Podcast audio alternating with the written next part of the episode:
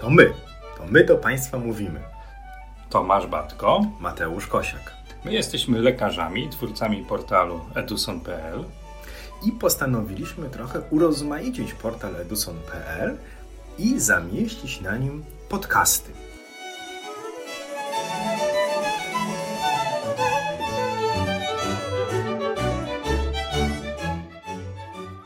I tak wydawałoby się, że jak już przejdziemy przez wiele etapów naszego badania, to tak niewielki obszar jak okolica wnęki wątroby nie powinien sprawiać większych problemów, bądź powiedzmy inaczej, jest to obszar, którym sami sobie nie powinniśmy aż tak bardzo zaszkodzić, a jednak można.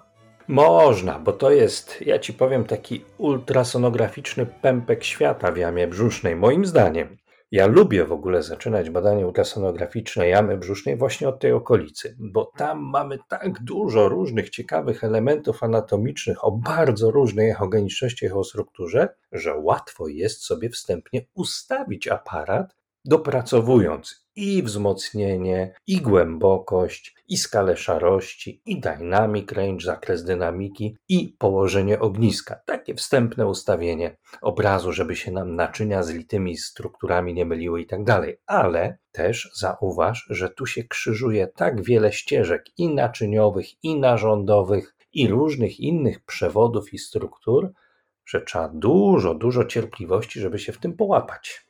Ale zanim tam dojdziemy, to jeździmy tą głowicą po brzuchu, nie możemy znaleźć tego obszaru. I tutaj trzeba pamiętać, żeby ustawić głowicę pod kątem prostym 90 stopni do prawego łuku żebrowego. Czasami jest tak, że nasz pacjent ma dużo gazu w przewodzie pokarmowym. Połóżmy pacjenta na boku lewym. Wtedy te gazy, tu mówię o dorosłych, tak się nam ustawią, że ta głowica ustawiona pod kątem prostym do łuku żebrowego bardzo ładnie pokaże nam wnękę wątroby. Wnękę wątroby, czyli de facto okolice pnia żyły wrotnej, przewodu żółciowego wspólnego, bardzo małej porównaniu do poprzednich kabelków tętnicy wątrobowej. To, co wspomniałeś, to przyłożenie głowicy prostopadle do łuku żebrowego, wydaje się być proste i logiczne, ale nie możemy zapominać o tym, że mówimy o ustawieniu prostopadłym do łuku żebrowego, to znaczy, że znacznik jest skierowany w stronę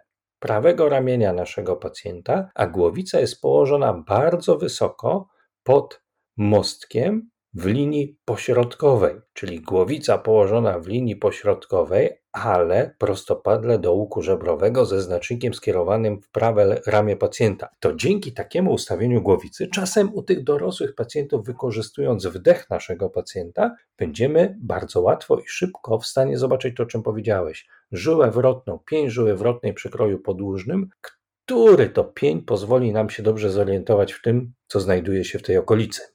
No właśnie, bo my byśmy chcieli upewnić się, że jest przepływ tej żyle wrotnej. I tutaj musimy pamiętać, żeby ustawić głowicę w ten sposób, aby ta żyła wrotna nie przechodziła przez nasz ekran poziomo, żeby ona przechodziła skośnie, żeby szła do głowicy. Wtedy łatwiej aparatowi będzie wychwycić ten sygnał doplerowski. Ustawmy sobie wartości PRF na kilkunastu centymetrach na sekundę. Zadbajmy o dobre wzmocnienie kolorowego Dopplera, czyli idziemy do wartości wysokich wzmocnienia, pojawia się szum, potem cofamy się, aż ten szum nam minie i widzimy ładny, dowątrobowy, najczęściej w kolorze czerwonym, przepływ w pniu żyły wrotnej. Tu jest istotna świadomość związana ze zjawiskiem Dopplera, z której to świadomości wynika bardzo ważna informacja dla nas, że nie zawsze z tej projekcji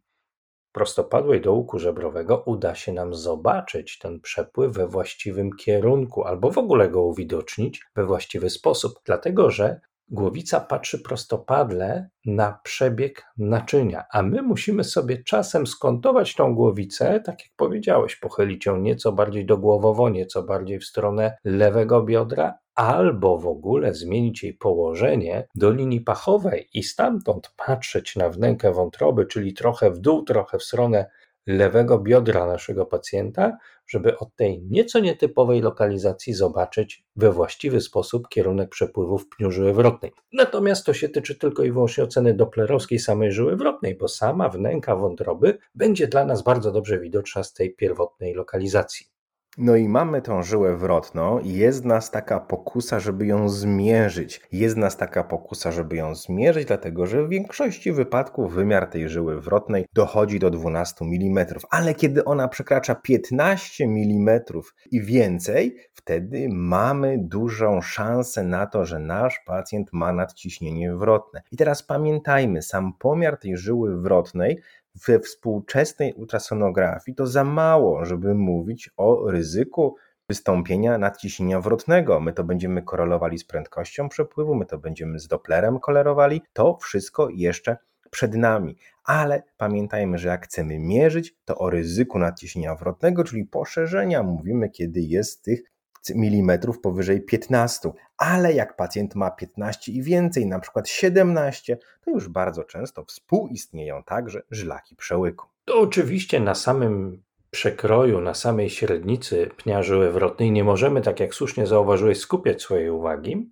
bo to jest tylko jedna z wielu wartości, które będą dla nas istotne w ocenie tego, co możemy zobaczyć. Natomiast jeżeli wspominasz o żelakach, to też musimy mieć świadomość tego, że same żelaki na przykład przełyku, nie będą dla nas w większości sytuacji klinicznych, zwłaszcza u pacjentów dorosłych, dobrze widoczne w badaniu USG. Ale inne cechy krążenia obocznego w tej okolicy wnęki wątroby albo nawet wokół samego pnia żyły wrotnej czasem będziemy w stanie zobaczyć pod postacią różnego rodzaju kłębowiska krętych, bezechowych struktur, które zakodują się nam kolorem wtedy, kiedy włączymy sobie opcję kolorowego Dopplera, ale uwaga, ustawiając sobie wartości PRF na stosunkowo niskie poziomy, niskie wartości, około 5 do 10 cm na sekundę, wzmacniając sobie sygnał doplerowski, bo tamten przepływ żylny w krążeniu obocznym jest stosunkowo wolny. No i musimy pamiętać, że ta transformacja jamista żyły wrotnej, o której teraz mówisz, jest faktycznie krążeniem obocznym, ale jest krążeniem obocznym wrotno-wrotnym, czyli najczęściej w przebiegu zakrzepicy żyły wrotnej dochodzi do wytworzenia krążenia obocznego, żeby krew do wątroby dopłynęła. To jest nieco inne krążenie oboczne niż krążenie w marskości wątroby, kiedy to krew chce ominąć wątrobę. Tu mamy do czynienia z krążeniem obocznym wrotno wrotnym, widocznym w opcji szarości, jak powiedziałeś, jako tubularne struktury pozawijane, jako mieszanina czerwonego niebieskiego koloru w opcji kolorowego Dopplera. Muszę jako osoba, która dość często bada pacjentów pediatrycznych, jeszcze wyróżnić pewną specyficzną grupę naszych pacjentów. Bo jedną sytuacją kliniczną jest to, o czym wspomniałeś, czyli transformacja jamista żyły wrotnej, związana najczęściej z przebytą zakrzepicą tejże żyły wrotnej, która to może wtórnie prowadzić do takiej przebudowy samej żyły wrotnej, a drugą sytuacją, którą będziemy widywać również u pacjentów pediatrycznych, poza samą transformacją żyły wrotnej, to będzie malformacja żyły wrotnej, czyli wrodzona wada rozwojowa pnia żyły wrotnej naczyń wrotnych, która widoczna jest w badaniu ultrasonograficznym bardzo podobnym obrazie jak transformacja emista żyły wrotnej. Będziemy widzieli w okolicy wnęki wątroby kłębowisko krętych naczyń kodujących się w różnych kolorach, bo ta krew płynie turbulentnie w różne strony, a skutkiem takiej malformacji wrodzonej wady żyły wrotnej może być również nadciśnienie wrotne, które bardzo często objawia się u naszych pacjentów jako na przykład Hipersplenizm, pierwszy objaw kliniczny, może być związany ze znacznego stopnia powiększeniem śledziony u naszych pacjentów i znowu widzimy, jak pewne objawy ultrasonograficzne każą nam szukać przyczyn nieco mniej oczywistych niż pierwotnie by się wydawało, bo większość z nas potraktuje powiększoną śledzionę jako cechę przybytej infekcji. Ale jak towarzyszą temu inne objawy, musimy pamiętać o tym, żeby do tej żyły wrotnej dobrze zajrzeć. Często tak jest, że powiększona śledziona wynika z przebytej infekcji, ale naszym obowiązkiem, naszym takim wewnętrznym imperatywem powinno być to, abyśmy zawsze Dla swojego własnego bezpieczeństwa, pewności przy powiększeniu śledziony, nawet jak wiemy, że ona może wynikać z infekcji, ocenili przepływ i w żyle śledzionowej, i w żyle wrotnej i tym naczyniom się przyjrzeli. Oprócz dobrodziejstwa, które czeka na nas w ultrasonografii żyły wrotnej, mamy także dobrodziejstwa, które czekają na nas w przewodzie żółciowym wspólnym, przewodzie żółciowym wspólnym, którego technika badania jest taka sama. Już od razu rodzi się pytanie, jaka szerokość u dorosłych? Z pęcherzykiem żółciowym do 7, bez pęcherzyka żółciowego do 8 mm. O, ciekawą rzecz nam przypomniałeś, bo przecież wielu z nas ma zakodowaną w sobie informację, że im dłużej, im więcej czasu minęło od cholecystektomii, tym ten przewód żółciowy wspólny ma prawo być szerszy. Często jego średnica może sięgać nawet 10 mm i więcej jako skutek pozorny skutek przebytej cholecystektomii, ale my tak naprawdę wiemy, że te 10 mm to już jest taka wartość, która powinna wzmóc naszą czujność ultrasonograficzną i nie wolno nam wszystkiego zwalać tylko i wyłącznie na historię naszego pacjenta związaną z usunięciem pęcherzyka. Słusznie rzeczysz, gdyż chodzi o to, że faktycznie osoby po cholecystektomii mogą mieć PŻW szerszy, nawet jak powiedziałeś, do 12 mm i nic się tym pacjentom nie dzieje, tak? To są indywidualne przypadki, to jest za mało, żeby z tego zrobić regułę, ale chodzi nam o to, że jak pacjentka jest po cholecystektomii i ma ten PŻW 9,5-10 mm, to żebyśmy nie zrzucali wszystko na to, że on taki szeroki, bo ona po cholecystektomii, bo zamykamy pewnego rodzaju diagnostykę różnicową innych przyczyn poszerzenia PŻW, dochodzenia do tego, czy przypadkiem nie ma zespołu nakładania się, czyli stanu po cholecystektomii z patologią chociażby głowy trzustki.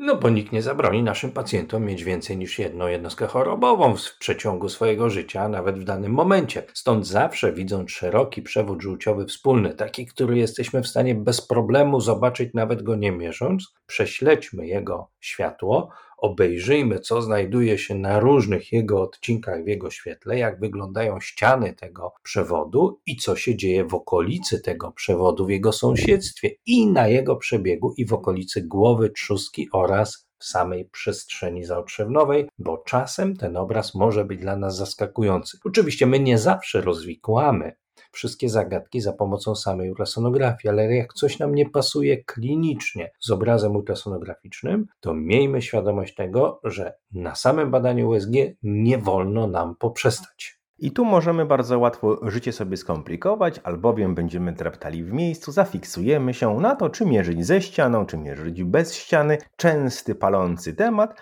który de facto w codziennej praktyce klinicznej nie ma większego znaczenia. Ale można sobie jeszcze życie utrudnić, będąc ultrasonografistą oglądającym przewód żółciowy wspólny, a mianowicie stwierdzimy, że on nie jest poszerzony i pójdziemy dalej, a nie zastanowimy się, jakie nasza pacjentka, pacjent ma objawy, czy ma dolegliwości pod prawym łukiem żebrowym i nie zastanowimy się, czy przypadkiem nie znajdziemy 4 mm złogu w nieposzerzonym 6-6,5 mm przewodzie żółciowym wspólnym i przegapimy bardzo ważną sprawę, albowiem założymy, że jak nieposzerzony, to na pewno zdrowy.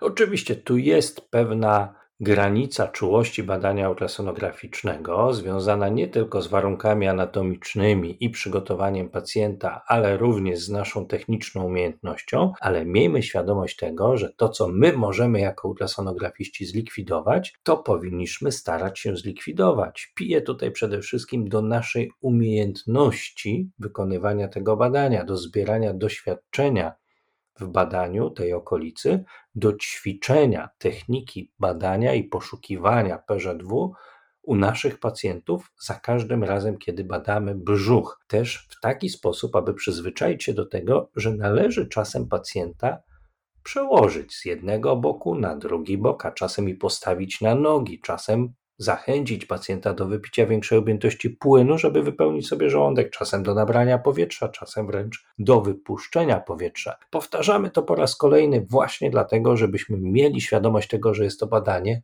dynamiczne. Dynamiczne nie tylko ze strony lekarza, który je wykonuje, ale dynamiczne również ze strony pacjenta. I w ten sposób ultrasonografia okolicy wnęki wątroby będzie dla nas o wiele, o wiele łatwiejsza.